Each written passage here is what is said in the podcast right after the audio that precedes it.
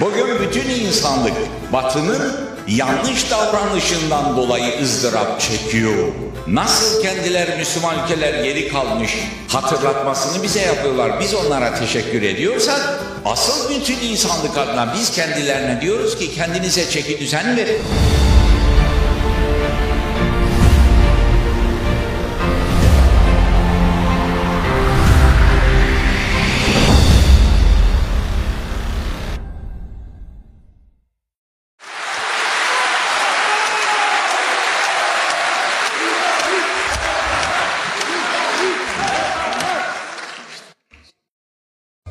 Euzu billahi mineşşeytanirracim. Bismillahirrahmanirrahim.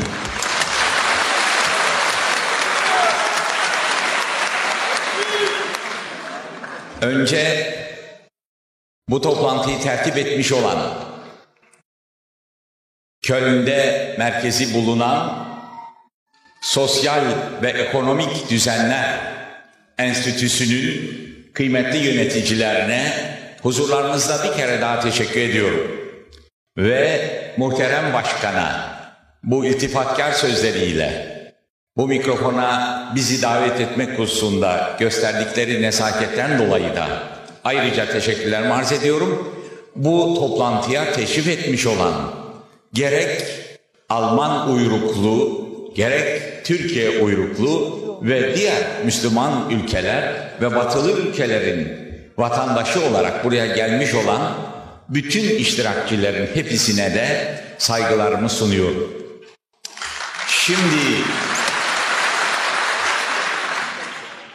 iki günlük İslam ve Batı toplantısının içindeyiz.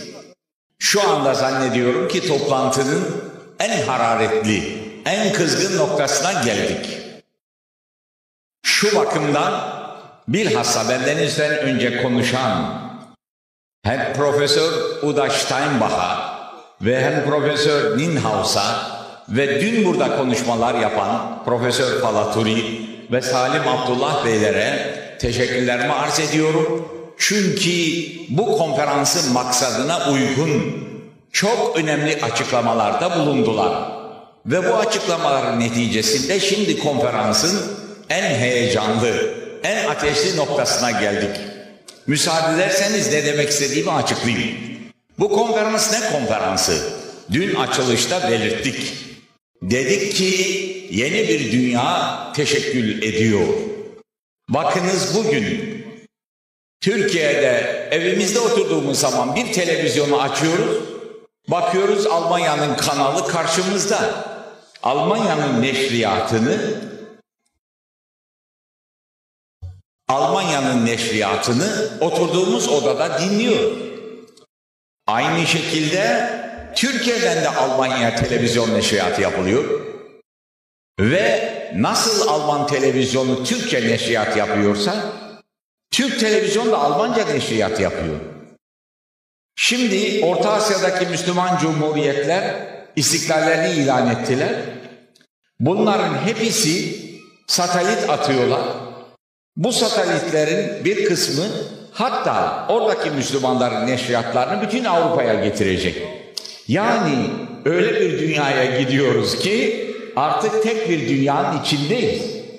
Bu sebepten dolayı kendimizi bu yeni şartlara hazırlamak mecburiyetindeyiz.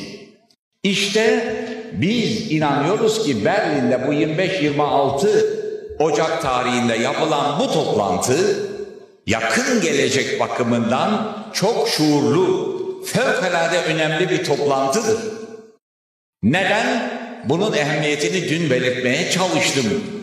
Bulunduğumuz noktada iki tane yol var.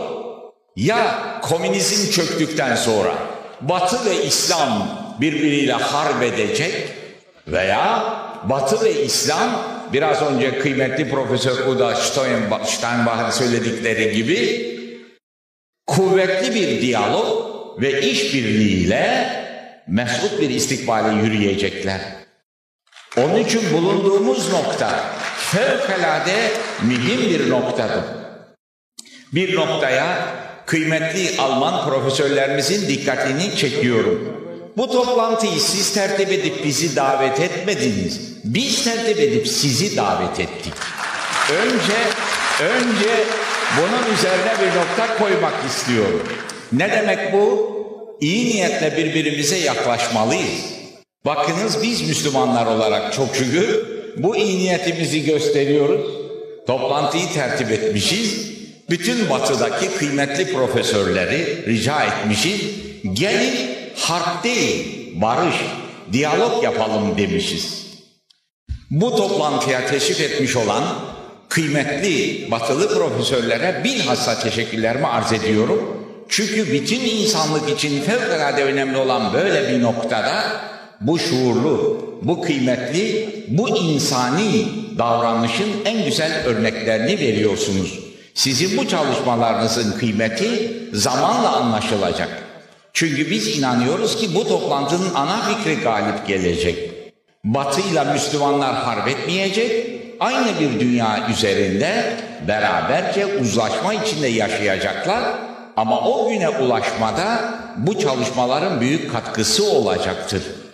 Bu sebepten dolayıdır ki bu yıl üçüncüsü yapılan bu toplantı Batı ile Müslüman ülkeler arasında uzlaşma, bütün insanlık için beraber çalışma maksadına matuf son derece kıymetli ve önemli bir toplantıdır. Dünkü açılış konuşmamda bu salonda bugün bulunan birçok kardeşlerimiz hazır değildiler. Onun için iki kelimeyle özetlemek istiyorum. Bak dedim ki biz Müslüman ülkelerin mensupları olarak bir endişe içindeyiz. Nedir endişemiz? Bu toplantıya niçin büyük önem veriyoruz? Biz biliyoruz ki bin yıldan beri Batı Haçlı seferleri yaptı. Hep Müslümanların üzerine silahlarla geldi. Şimdi komünizm çöktü. Tekrar bakıyoruz ki Batı karşısına düşman fotoğrafı olarak İslam'ı koymaya çalışıyor. Bu çok yanlış bir davranıştır. Bu davranıştan süratle vazgeçmek mecburiyetindeyiz. Çünkü harpten kimseye hayır gelmez. Her iki tarafta sonunda kaybeder. Gelin akıllı olalım, harp yerine barışı ikame edelim. Kıymetli Profesör Uda Steinbach'ın söyledikleri gibi kuvvetli bir diyalog ve işbirliğiyle bütün insanların yeryüzünde mesut bir şekilde yaşamalarına yardımcı olalım. Bakınız biraz önce kıymetli profesör konuşmalarında çok mühim şeylere temas etti. Buyurdu ki Müslüman ülkeler kendilerine hakikaten bir ekonomik sistem seçmeli, stabil olmalı, kendilerine çeki düzen vermeli. Biz bu dost sözlerden dolayı büyük memnuniyet duyuyoruz. Kendilerine teşekkürlerimizi arz ediyoruz. Yine Profesör Winhouse Müslüman ülkelerde bana kalırsa şu şu şu tavsiyelerime uyarak ekonomilerini düzeltmelerinde fayda vardır dedi. Batılı dostlarımız Müslüman ülkelere iyi niyetle tavsiyede bulunuyorlar.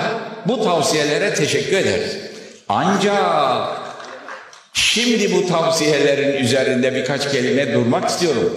Profesör Udo Steinbach dedi ki önce batıdaki bir takım gazeteciler Müslümanlar hakkında gerçeğe uymayan yazı yazmaktan, polemikten vazgeçmelidir dedi. Bu çok önemli bir nokta. Eğer biz barış içerisinde bir dünya istiyorsak iyi niyetle birbirimize muamele edeceğiz. Bu sebepten dolayı gerçekleri saptırmayacağız.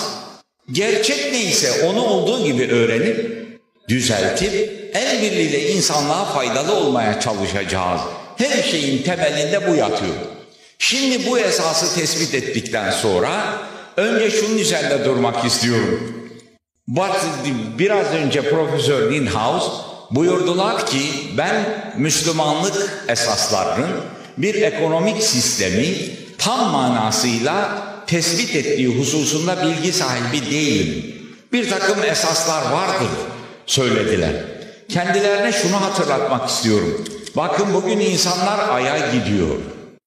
Bütün bu aya gitme operasyonunun temelinde sadece üç tane prensip yatar. Yaptığımız bütün hesaplarda kullandığımız üç tane prensip vardır. Bunlardan bir tanesi kütle Yoktan var olmaz, vardan yok olmaz prensibidir. Hesapta yaptığımız iş bu prensibi sembolle ortaya koymak demek. Enerjinin korunması prensibidir. Yani enerji şekil değiştirir ama yok olmaz prensibidir. Bir üçüncüsü de tesir aksi tesire eşittir prensibidir. Bütün kitaplar dolusu fizikte, kimyada, astronomide, matematikte yaptığımız şeyler sonunda bu üç tane temel prensibe gelip dayanır. İşte nasıl bugünkü bütün maddi ilimler bu üç tane prensibe dayanıyorsa unutmayınız ki Müslümanlık da öyle ulvi prensipler koymuştur ki bütün ekonomi, bütün hukuku, bütün siyaseti de bu ilmi prensiplerin ışığı altında tanzim etmek mümkündür. Nasıl matematikte bu üç esas ele alındıktan sonra geriye kalan muhakeme yoluyla yapılan hesaplar ise temel hak ölçüleri alındıktan sonra da bir nizamın tespiti için yapılacak olan işler aynı şekilde insanlara verilen muhakeme kabiliyette de yapılması icap eden işlerdir. Bu sebepten dolayıdır ki insanların vazifesidir temel prensiplerden istifade ederek insanlara saadet getirecek bir düzenin bütününü ortaya koymak. Önce bu noktaya işaret etmiş oluyorum. İkinci olarak bir şey söylemek istiyorum. Efendim Müslüman ülkeler bakınız ekonomik bakımdan geridir diyorum. Huzurlarınızda batılı dostlarımızı hatırlatıyorum ki evet bu bir gerçek ama bu gerçeğin sebebi Müslüman ülkeler değil bizzat batılılardır bunun mesul. Neden? Çünkü çünkü batılılar iki asırdan beri Müslüman ülkeler geri kaldılar diyor. Evet batılılar Amerika'nın keşfinden sonra altınlar ele geçirdiler. Maddi gücü ele geçirdiler. İlk yaptıkları iş Müslüman ülkeleri sömürge yapmak için oralara haksız tecavüz yapmak olur. İki asırdan beri Müslüman ülkeler hep Batılıların işgali altında kaldı. Bugün Cezayir'de kalkınmış bir ekonomi yoksa sebebi Fransızlardır. Geldiler oraya, geldiler oraya. Yüz sene Frans e, Cezayir'i sömürdüler. İnsanlara köle muamelesi yaptı. Çıkarken de hep kendini tutacak adamları zengin olacak şekilde bir düzen kurup çıkarttılar.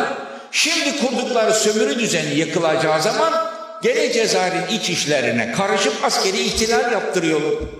Mesul kim? Masum Cezayir halkı mı? Yoksa aman şu Cezayir nefes almasın diye tepesinde atmaca gibi bekleyen Fransızlar mı?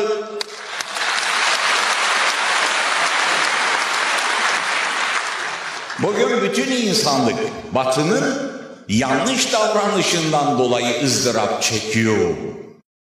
Nasıl kendileri Müslüman ülkeler geri kalmış hatırlatmasını bize yapıyorlar. Biz onlara teşekkür ediyorsak asıl bütün insanlık adına biz kendilerine diyoruz ki kendinize çeki düzen verin. Siz kuvveti üstün tutuyorsunuz. İnsanlık sizin hakkı üstün tutmayı, kuvveti üstün tutma zihniyetinizden dolayı ızdırap çekiyor.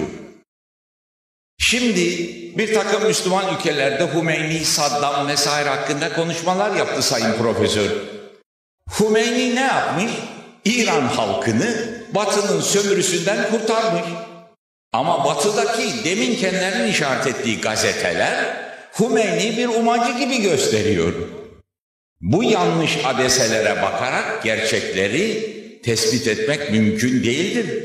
Bunu ben sadece bir Hümeyni için söylemiyorum. Müslüman ülkelerde cereyan eden olayların gerçeklerini bilmek, o gerçeklere hüküm yürütmek, göre hüküm yürütmek gerekir. Yoksa biz kendimiz bir şeyi tersine çevirelim, sonra da onu tahrip etmeye kalkalım. Bu metotla yeryüzünde istediğimiz barış tesis edemez. Bakınız işte dün de işaret ettim. Şimdi Batı'nın lideri durumunda olan şu Bush'un yaptığına bak. Önce Irak'la İran'ı savaştırdı. Kim? Amerika. Ondan sonra Irak'ı Kuveyt'e işgal ettirdi. Kim? Amerika.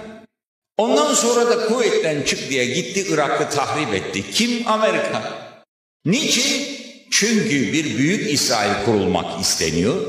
Bu seçimi kazanmak için Amerika'daki İsrail lobisinin gözüne girmesi lazım. Ona hizmet etmek için ne lazım geliyorsa bunu yapın. Şimdi orası bitti. Bu sefer Libya hedef alın. Şimdi ille Libya tahrip edilme. Arkadan da Sudan hedef alınmak isteniyor. E bu Müslümanlar ne zaman rahat nefes alacaklar?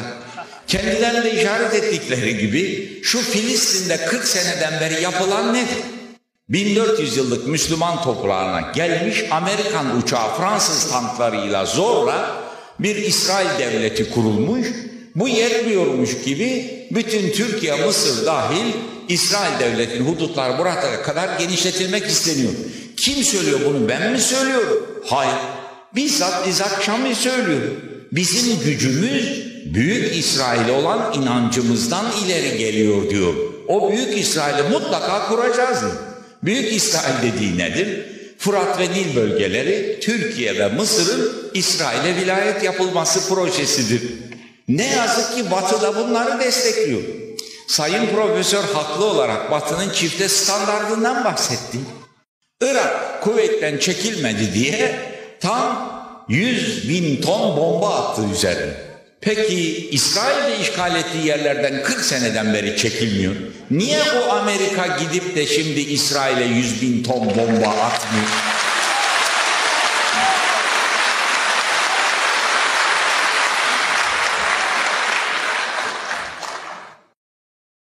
Acaba yeryüzünü kim ifsad ediyor?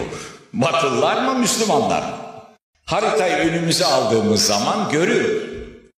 Ta gidiyor dünyanın öbür ucuna yarım milyon insan yığıyor. Bütün şehirleri, sivil halkı tahrip ediyor. Buyurunuz. Bak Irak'a ambargo neden kondu? Kuvvetten çekilmiyor diye değil mi? E peki Irak kuvvetten 10 aydan beri çekildi. Niçin bu ambargo hala devam ediyor? 10 aydan beri Irak'ta 78 bin çocuk ilaç olmadığı için ölmüştür. Yaşlı insanlar ölüyor yiyecek ekmekler olmadığı için. Bu nasıl insanlık? Ambargo hala devam ediyor. Niçin? Hani bu ambargo Irak kuvvetten çekilmediği için konmuştu. Irak kuvvetten çekileli 10 ay oldu. Neden bu ambargo devam ediyor? Çünkü dünya emperyalizmi benim birisi sözümü dinlemezse ben ondan işte böyle intikam alırım diye bir intikam numunesi göstermek istiyor da onun için. Ama bu intikam düşünceleriyle yeryüzünde huzura ermek mümkün değildir. Muhterem arkadaşlarım, konuşmama buradan girmemin sebebi şudur. Hakikaten yeryüzünde artık dünya küçülmüştür. 6 milyar insan bir arada yaşamaktadır. Kıymetli profesörlerin işaret ettiği gibi 2000'li yıllara girerken insanlar mutlaka huzur içerisinde, başı, barış içerisinde yaşayacakları yeni bir dünyayı tesis etmelidirler. Komünizm çöktü ama 40 sene soğuk harpten dolayı insanlık ne kadar feci ızdıraplar çekti. Şimdi gelin önümüzdeki 40 seneyi de Batı ve Müslümanlar arasındaki çatışmadan dolayı yeni bir soğuk harp dönemi yapmayalım. Tam tersine bütün insanların uzlaşma içerisinde birbirleriyle yardımlaşarak yaşadıkları bir dünya yapalım. İşte bu toplantıların maksadı ve gayesi budur. Peki huzur içerisinde, uzlaşma içerisinde nasıl yaşayacağız? Bunu geliniz bu toplantılarda ana fikirler olarak ortaya koyalım ve ayrıca Batılı ve Müslüman aleminin alimleri, profesörleri bir araya gelerek huzur içinde yaşamamızın şartlarını ilmi esaslara dayanarak da tespit edelim. İşte bu maksada erişmek için biz bugün burada bütün insanların huzur içerisinde yaşayacakları adil bir düzen nasıl bir düzen olarak kurulmalıdır? Bunun teklifini getiriyoruz batılı ilim adamlarına. Diyoruz ki bu getirdiğimiz teklifler hakkında itirazınız varsa geliniz ilmi toplantılarda bunların münakaşasını yapalım. İnsanlığın huzur içerisinde yaşayacağı bir nizamı el birliğiyle kuralım. Bakınız 12 tane Avrupa ülkesi bir Avrupa topluluğu meydana getiriyor. Bu Avrupa topluluğu ilk önce ekonomik bir işbirliği yapalım diye başladı. Ama arkadan baktılar ki böyle eğreti topluluk olmaz. Ne olacak? Hukukumuz beraber olacak, siyasi kararımız beraber olacak, tek bir devlet olacağız. Bütün nizamımızı birleştireceğiz. Başka türlü bir arada yaşayamayız dediler. Bu bir adımdır. Şimdi biz geldik diyoruz ki bütün insanlık aynı şekilde huzur içinde yaşamalı. Öyleyse bütün insanlık aynı şekilde ideal, insanlara saadet getirecek bir nizamı benimsemeli, el birliğiyle kurmalı ve ona riayet etmeli ki yeryüzünde huzur olsun. Peki hangi nizam içerisinde birleşeceğiz? İşte bunun takdimini yapmak istiyorum. Bu takdimi yaparken önce kardeşlerimize müsaadelerine sığınarak bu toplantının yapıldığı şu tarihi noktayı kısaca tarif etmek istiyorum. Şu şekli lütfen koyalım. Arkadaşlarımızın dikkatlerini rica ediyorum. Batı ilim adamları insanlık tarihinin yazıyla başladığını söylerler. Halbuki insanlık bildiğimiz gibi Adem aleyhisselam ile başlamıştır. Ancak batılı dostlarımızla beraber konuyu konuştuğumuz için ben size insanlık tarihinin yazının keşfedilmesinden sonraki dönemi hakkında bir kısa tablo gösteriyor. Bakınız insanlık tarihini incelediğimiz zaman ne görüyoruz? Yazı Mezopotamya'da keşfedildi. Bu Mezopotamya'da yazının keşfedildiği döneme baktığımız zaman şurada görüyorsunuz milattan takriben 2000 yıl önce Mezopotamya'da İbrahim Aleyhisselam'ın öncülüğünde hakkı üstün tutan bir medeniyetin kurulduğunu görüyoruz. Bir ses. Bizi olsun. Evet. Şurada milattan önce 2000 yılında asırlar boyu insanlığa saadet getiren yeşil renkle gösterilmiş bir medeniyet. Bu medeniyet Mezopotamya'da kuruldu. İbrahim Aleyhisselam'ın öncülüğünde hakkı üstün tutan bir medeniyet olarak kuruldu. Bu medeniyet Mısır'ı etkiledi. Mısır bu medeniyetin etkisi altında kaldı fakat bu medeniyeti dejenere etti. Görüldüğü gibi Mısırlılarla Mezopotamyalılar arasında yapılmış Kadeş Harbi'ni Mısırlılar kazanınca kuvveti üstün tutan Mısır medeniyeti, şu kırmızı medeniyet ağır basmaya başladı. Mezopotamya'daki yeşil medeniyet, hakkı üstün tutan medeniyet yavaş yavaş etkisini kaybetti. Mısır'ın kuvveti üstün tutan kırmızı medeniyeti yeryüzünde yükseldi. Yani maddi hakimiyeti elde etti.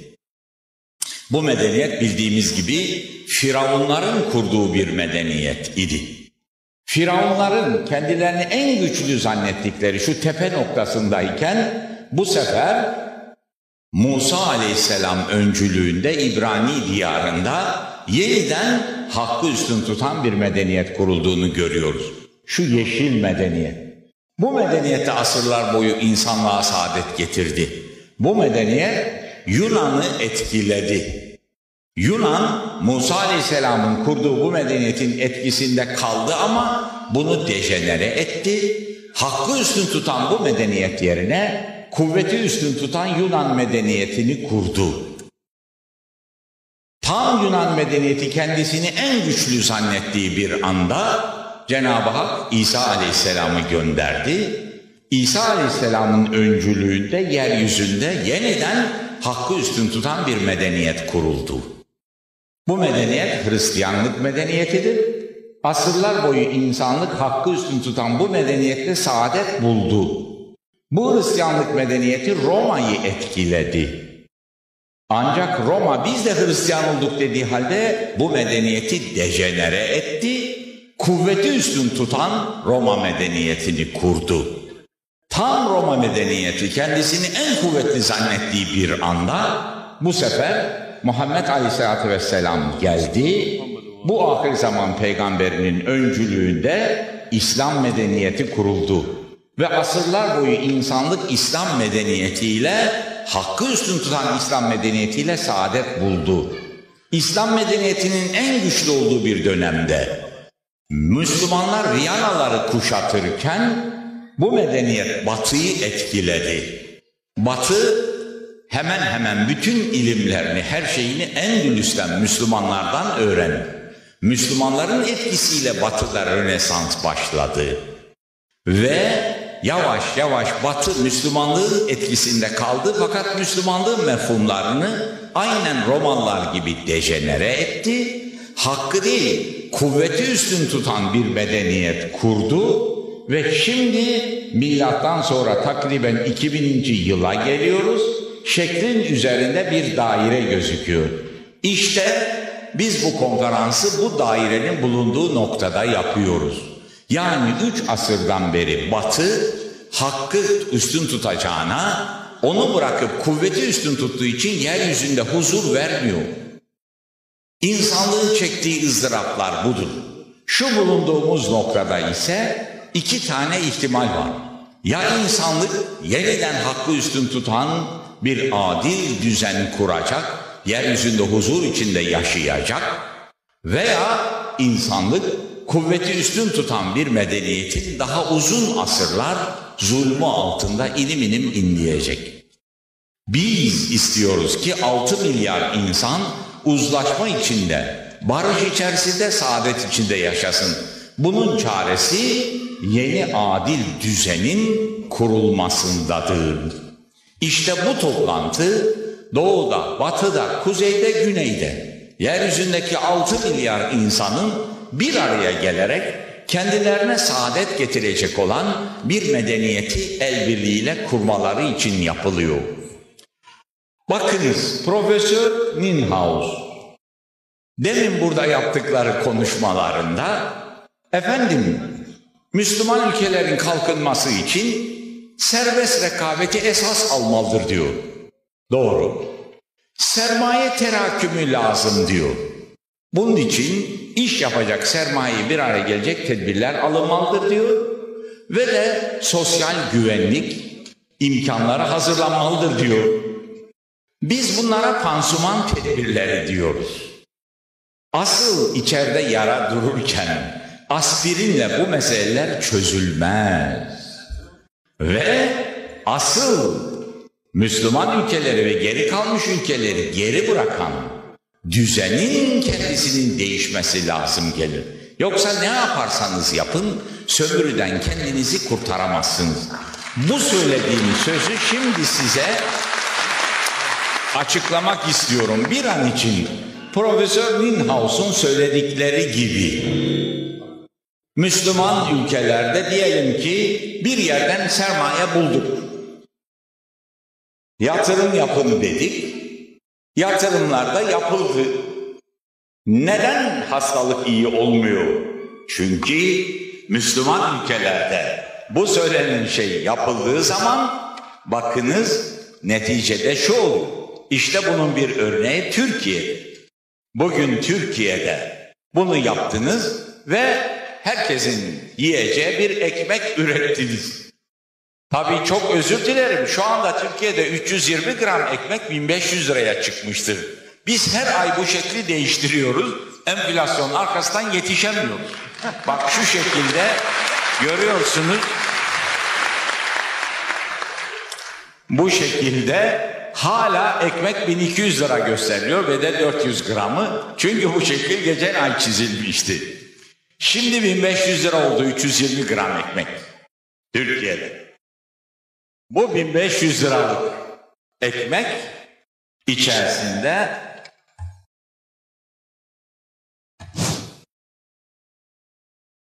bir fakir köylü, bir işçi, bir memur, bir esnaf alın teriyle çalışıp da kazanan insan fırına gidip ekmek aldığı zaman vermiş olduğu 1500 lirayı şuraya veriyor.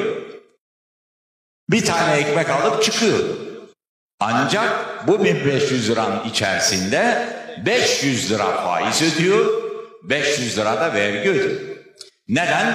Çünkü Türkiye'de bir faizci düzen var, kapitalist düzen var.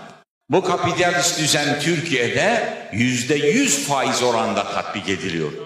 Şimdi Sayın Ninhaus bana diyecek ki kim dedi size yüzde yüze çıkartın faizi diye. Bak biz yüzde on faizle ne güzel idare ediyoruz. Siz bir takım Türkiye gibi Müslüman ülkeleri sömürerek idare ediyorsunuz.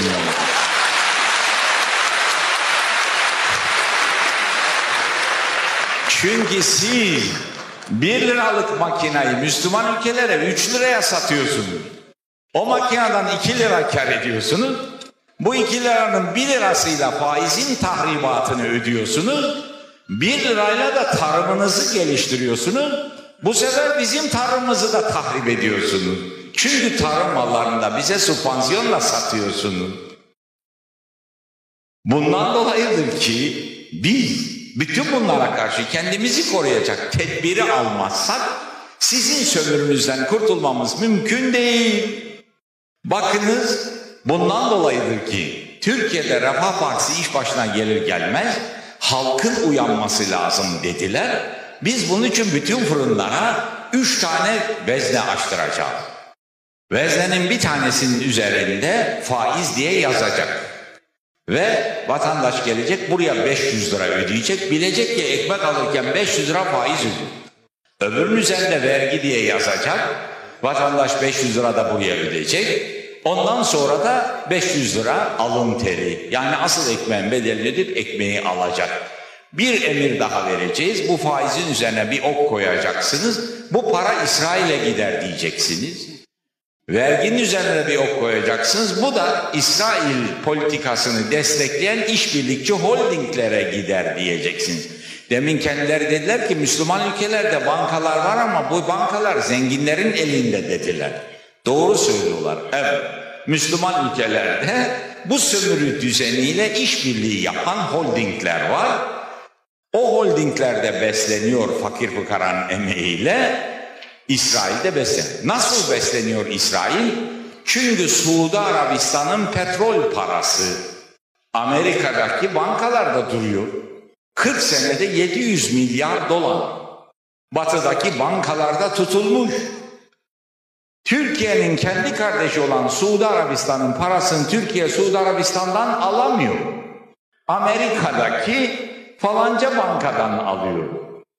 Ve 50 milyar dolar borç almış Türkiye her sene 8,5 milyar dolar faiz ödüyor. Bu faiz Amerika'daki emperyalist bankalara ödeniyor. Bu 8,5 milyar dolar işte her ekmek alan vatandaşın ödediği 1500 liranın içindeki 500 lira olarak ödeniyor. Bu faiz dışarıdaki emperyalist bankalara ödendikten sonra sizin söylediğiniz gibi biz 40 tane şirket kursak, sizin söylediğiniz tentir diyor pansuman tedbirleriyle 40 gün çalışsak 40 arpa boyu mesafe alamayız. Çünkü kanımız emiliyor. Asıl bu hortumun kesilmesi lazım. Bu tedbirler bize ilaç olmaz. Biz bunu niçin istiyoruz? Herkes hakkına razı olsun. Siz de yani Batı emperyalizmi de Müslümanların kanını emerek onların gözyaşında saadet aratmayı bıraksın. O da alın teriyle yaşamaya baksın ki hepimiz yeryüzünde huzur içerisinde yaşayalım. Ve de tabii bu düzenlerin yürümesi için ekmeğin içerisinde de 500 lira vergi var. Bu vergi de alınıyor, turizmi teşvik fonuna konuyor. Fabrika yapılmıyor işsiz insanlara. Antalya'ya otel yapılıyor. Niçin? Batıdan gelecek olan turistler 5 yıldızlı otelde kalsın diye. Bak Refah Partili bir milletvekili asla partizanlık sokmak için söylemiyorum bunu. Sadece bir fikri belirtmek için söylüyorum. Geçen de Millet Meclisi'nde yapmış olduğu bir konuşmada bütün Kahramanmaraş şehrinin ihtiyacının hepsinin bir buçuk otel parasıyla hallolacağını çıktı hesaptan söyledi. Şuraya bir buçuk tane beş yıldızlı oteli eksik yapsaydınız keşke, bütün Kahramanmaraş'ın suyunu, yolunu, altyapısını yapardınız. Halbuki siz bu paralarla gidip otel yapıyorsunuz. Bizim milletimiz, bizim milletimizin insanları işsiz kalıyor. Neden? Çünkü Türkiye'nin ekonomik politikasını IMF tespit ediyordu onun için. Yeni bir hükümet kuruluyor Türkiye'de. Bu hükümet bütçesini meclise getiremiyor. Neden? Çünkü önce IMF'den izin alacak. Meğer IMF yılbaşı tatilindeymiş. Onun için yeni paket yılbaşından önce açılacağına ta 16 Ocak'ta açıldı. IMF tatili bitecek. Bakacak, izin verecek de Türkiye'nin ekonomik paketi böyle açılacak. İşte geri kalmış ülkeler böyle yönetiliyor. Batı'nın kontrolünde. Eğer Türkiye'de işsizlik varsa bunun mesulü Türkiye'deki köylü değil ya o IMF'in kontrol diye gelen insanların politikası. Onlar Türkiye'deki insanları işsiz bırakıyor. Bakınız bir insan sadece fırına gidip 1500 lira verip ekmek alırken 500 lira haksız yere faiz ödeyip 500 lira da vergi ödemekle kalmıyor. Ondan sonra harıl harıl Türkiye'de darphanede darphanede para basılıyor. Bak gösteriyorum. Faiz ve vergi Türkiye'deki ekonomik düzenin iki mikrobudur. Bir diğer mikrop darphanedir. Şimdi yeni getirilen 92 bütçesinde resmi ağızlar diyor ki 32 trilyon açığımız var. 208 trilyonluk bütçede 32 trilyon açık. Yani 32 trilyon para basacağım. Biz hep tecrübemizle biliyoruz ki bir 32 trilyon bir 32 daha açık olacak. Bu paranın basılması ne demek? Vatandaşın cebindeki paranın geri çalınması demektir. Almanya'da enflasyon yüzde dörde çıkınca zelzele oluyor. Türk milleti o kadar sağlam bir millet ki 10 seneden beri yüzde yetmiş enflasyona dayanıyor haberiniz olsun. Bu kadar da değil. Bir de paranın değeri emirle düşürülüyor. Kambiyo mikrobu. Bak bir dolar ben 40 sene evvel Almanya'ya gelip tak motorları üzerinde çalışırken burada bir Türk lirası bir buçuk marktı. Almanya'nın en zenginiydim ben. Ama şimdi 3500 Türk lirasını bir çuvala koyuyoruz. Bir mark ancak alabiliyoruz. Neden? Emirle paranın değeri sürekli olarak düşürülüyor. Asıl nedeni tabii arkadan kısaca açıklayacağım inşallah. Ancak şu anda Türkiye'deki durumu anlatıyorum. Ondan sonra bankalarda mevduat faizi yüzde 60 ama kredi faizi yüzde 120. Şuradan yüzde 60 alıyor bir banka, bu tarafa dönüyor, yüzde 120 ile veriyor.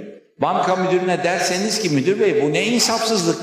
Şurada alınan parayı bir insan buraya getirince üzerine yüzde 60 zam koyar mı derseniz sus kardeşim diyor. Bizim holdinglere verdiğimiz batık krediler var. Eğer bu fakir fukaradan bu kadar yüksek kredi faizi almazsak o batık kredilerin açığını kapatamıyoruz. Yaramızı tamir ediyoruz diyor. Krediyi götürmüş zengin holdinge vermiş. O Hilton otelinde şampanya içiyor. Ama şu gömleği yapan esnaf yüzde yüz yirmi faizle bankadan kredi alıyor. Yüzde yüz yirmi faiz ödüyor. Masrafa yazıyor, gömleği alırken bana ödetiyor. Ben Türkiye'de bir tuhafiyeceden gömlek alırken o akşam Hilton'da içilen şampanyanın parasını ödüyorum gömlek parasının içinde. Bu düzen değişmedikçe istediğiniz kadar pansuman tedbiri alın, asla o ülkenin insanlarına saadet getiremezsiniz. Bakınız Türkiye'de oynanan oyun şudur. Her bir vatandaş ister gömlek alsın, ister ayakkabı, ister ekmek. Üçte biri faizdir. Bu faizler toplanıyor. Senede 8,5 milyar dolar Amerika'daki Siyonist bankalara faiz ödeniyor. Bak şurada görüyorsunuz. Bu Türkiye'deki yönetici partilerin yaptıkları işi. Bunlar her hafta 10 ton saf altın göndermeye denktir Türkiye'nin yılda ödediği faiz. 10 ton saf altın. Köylü, işçi, memur ne satın alsa bu faizleri ödüyor fiyatların içinde. Amerika'daki bankalara gidiyor. Amerika köylünün parasıyla İsrail'e uçak alıyor, tank alıyor. Neymiş? Libya'ya bir uzun top gidiyormuş insanlık suçuymuş. E İsrail'in bu kadar atom bombası var o insanlığa hizmet oluyor. İşte batının çifte standardı budur. İşte 6 milyar insana huzur vermeyen yanlış zihniyet budur. O İsrail ki şimdi Lübnan'ı bombalıyor, işgal ettiği topraklardan çekilmiyor, Türkiye ortak pazara girecek, biz de gireceğiz. Türkiye ile tek vilayet olacağız, tek devlet olacağız. Ben Türkiye'yi böylece Büyük İsrail'e vilayet yapacağım diyor. Bizim paramızla. Üzerimizde oynanan oyun budur. Bak bu çark döndürülüyor üzerimizde. Biz ekmek alırken, peynir alırken İsrail'deki askerin kurşun parasını ödüyor. Durumumuz budur. Bundan başka hemen süratlice geçiyorum. Türkiye'de her satın alın malın içinde ödenen faizler netice itibariyle İsrail'e uçak tank oluyor. Holdinglerin Hilton'da içtikleri şampanya parası oluyor. Bunların beş yıldızlı otelde kumar paralar oluyor. Otellere kredi oluyor, bütçe israflarına gidiyor. 60 milyon insan böylece eziliyor. Yine bütün vergi olarak alınan paralarda sonunda görüldüğü gibi bütçeden ödenen dış borç faizi ki şimdi 72 trilyon bütçenin transfer faslıdır. Yani borç faizine gidecek. Öbür taraftan işbirlikçi holdinglere bütçeden paralar veriliyor. Bu paralar turizm kredisi, milli savunma sanayi kredisi çeşitli isimler altında zengin bir holding grubuna aktarılıyor veya iktidar yanlısı insanlara veriliyor ve bütçenin israflarına veriliyor. Netice itibariyle Türkiye'de şöyle bir düzen var. Bak bir vatandaş presin üzerine yatırılmış. Bunu gelen siyasi iktidar sıkıyor. Vatandaşın kanı canı şu hunide toplanıyor. Biz bu şekli çizdiğimiz zaman ANAP iktidardaydı. ANAP pompası vatandaşın kanını alıyor. İki tane dinlenme havuzuna koyuyor, oradan İsrail'e gönderiyordu. Ve o zaman diyorduk ki bak ANAP pompasını IMF motoru çalıştırıyor. Bu IMF'nin iki tane de yedek pompası var. Biri DYP, biri SHP pompalarıdır. DYP pompasının üzerinde sağa döner, SHP pompasının sola döner diye yazılıdır. Ve ana pompası aşınınca IMF yani emperyalistler bu pompaları devreye koyacak diyorduk. Keramet göstermişiz. Hakikaten dediğimiz gibi bir pompa yetmiyor şimdi ikisini birden devreye koydular. Ve vatandaşın kanını alıp bütçenin israflarına vermektedirler.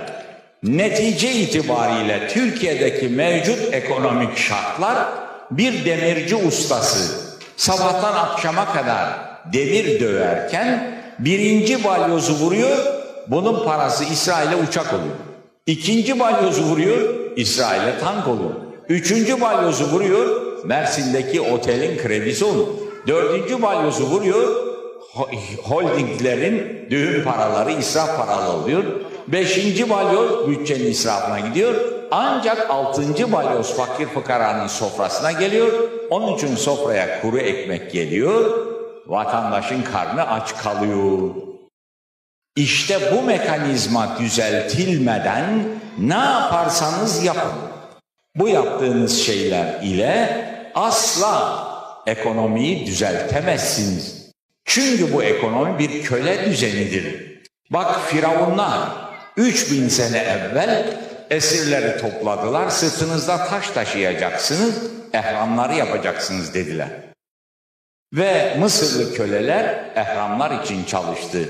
Şimdi 3000 yıl sonra Türkiye'deki köleler de İsrail'in uçağı ve tankı için çalışıyor. Düzen aynı düzendir. Arada tek bir fark var. Türkiye'deki köle çağ atlamış köledir. Firavun'un köleleri çuvaldan eteklik giyerdi. Türkiye'deki köle yamalı pantol giyiyor. Fark budur.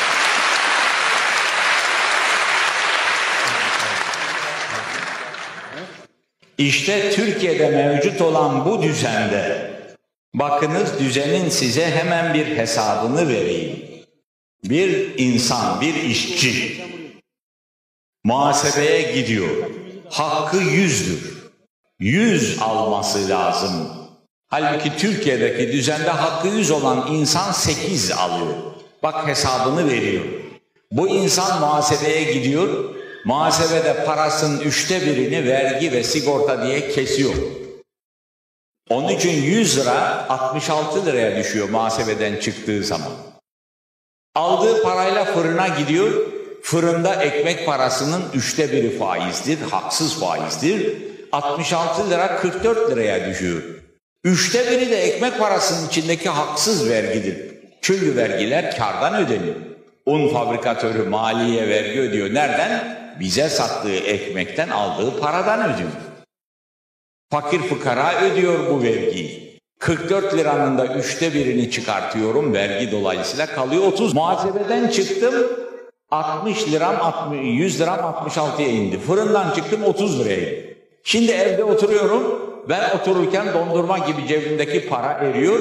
Çünkü darphane para basıp piyasaya sürüyor. Böylece herkesin cebindeki paranın en az dörtte biri de bu yoldan çalınıyor. Darphane yolundan karşılıksız para basarak. Ondan sonra bir diğer dörtte biri de kambiyo paranın değeri emirle düşürülerek çalınıyor. 100 lira iniyor 16 liraya. Aslında 1 milyon lira veriyor. 2 milyon lira vereceği işçiye. Hakkını da vermiyor. Çünkü Türkiye'deki gelir dağılımına bakılırsa gelir dağılımı çok bozuk. En aşağıdaki insanlar milli gelirin yüzde yirmi dördünü alıyor. Yüzde dördünü alıyor. En üstteki yüzde yirmi ise milli gelirin yüzde elli yedisini alıyor. Buraya yuvarlak olsun diye elli yazılmış. Alt tabakalara çok az ücret veriliyor. Verdiği ücretin yarısını verdiği için, vermesi icap edenin yarısını verdiği için 16'yı da ikiye bölüyoruz, 8 oluyor. İşte Türkiye'deki vahşi kapitalizm hakkı 100 olan insana 8 veriyor. Ve ayrıca da devletin bütçesi, bakınız 83 ve 90 yıllarında açık nasıl artmış? Dış borç faizi nasıl yükselmiş? İç ve dış borç faizi nasıl yükselmiş görüyorsunuz. Devletin bütçesi biraz sonra göstereceğim. Nasrattin Hoca'nın türbesine dönmüştür. Üç tarafı açık bir kilit var. Bak Türkiye'deki bütün gelirlerin hepsinin içerisinde 60 milyon insanın toplam gelirin içerisinde işçi, köylü, memur, esnaf, emek sahibi insanların gelirleri 1983 senesinde yüzde 24 idi. Bu faizci kapitalizm tatbik edildi. 7 sene sonra 1990'da bu nispet yüzde 14'e Faiz ve rant gelirleri Türkiye'de bütün gelirlerin yüzde 75'i idi. 8 sene sonra yüzde 86'ya çıktı. Ne demek? Çalışan insanlar eziliyor demek.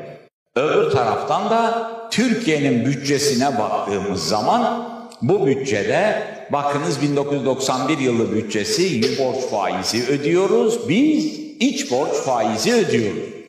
Çünkü Türkiye'deki yöneticiler Cenab-ı Hakk'ın bize verdiği zenginlikleri servete çal çevirmek için çalışmıyor. Şu madenleri işletelim diye çalışmıyor. Şu ormanları işletelim diye çalışmıyor. Şu tarımı geliştirelim diye çalışmıyor. Ya acaba şu köylüden daha nasıl vergi alacağım?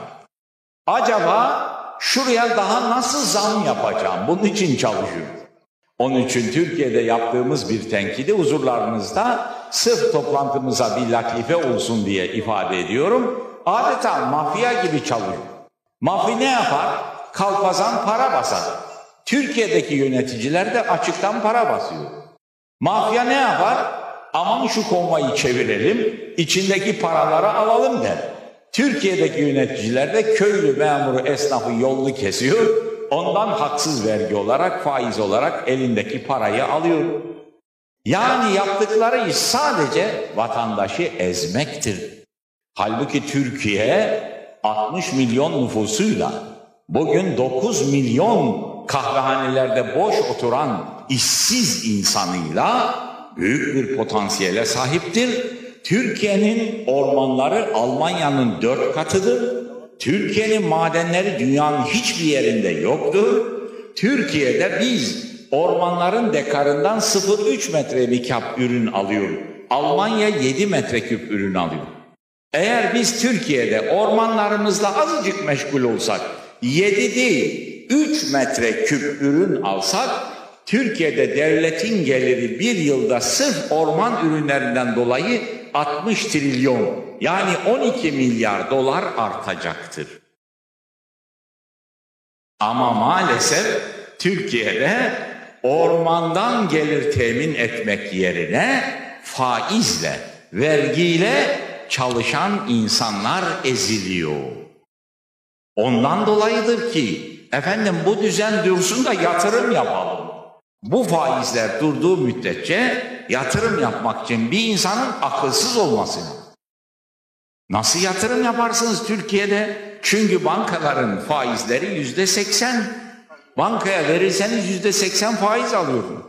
Aynı parayı almak için sizin yüzde yüz altmış kazanmanız lazım. Çünkü yarısını vergi olarak vereceksin. Onun için bu şartlar altında bir ülkede yatırım olmaz. Bu şartlar altında bir ülkede işsizlik olur. Fakirlik olur ve güçsüzlük olur. İşte Türkiye bir örnektir. Sabahleyin Profesör Ninhaus, Müslüman ülkelerin içerisinde yanlış hareket etmek istemeyen bir tek Türkiye vardır dedi. Halbuki ben kendilerine ifade ediyorum ki en yanlış hareket eden Türkiye'dir. Çünkü bütün bütün zenginliğine nazaran bir insanın bu kadar zenginliği varken bu kadar fakir olabilmesi için çok çalışmak lazım o ülkeyi fakirleştirmek bakımından. İşte Müslüman ülkelerin acıklı hali budur. Şimdi bu sömürü tabii batının da lehine değildir aslında. Türkiye güçlü olsun, batıya her türlü makinalarını, her neyse ticaret alışverişini geliştirsin. Batıdaki insanlar da böylece aynı şekilde Türkiye'nin güçlenmesinden saadet bulsunlar. Ondan dolayı yeryüzünde bir takım ülkelerin ızdırap çekmeleri zannedilmesin ki başkalarına saadet getirir, bütün insanlığa ızdırap getirir. İşte biz bu konferansları düzenliyoruz ki gelin el birliğiyle Türkiye, onun gibi ülkeler ve de Batı'nın meselelerini beraberce çözelim. Ben şimdi misal olarak Türkiye'nin durumunu anlattım. Halbuki aynı şekilde Batı'nın da kendine mahsus problemleri var. Biz burada bunların da konuşulmasını istiyoruz. Mesela batıdaki AIDS hastalığı ve ahlak çöküşü. Bugün batı rahat mı?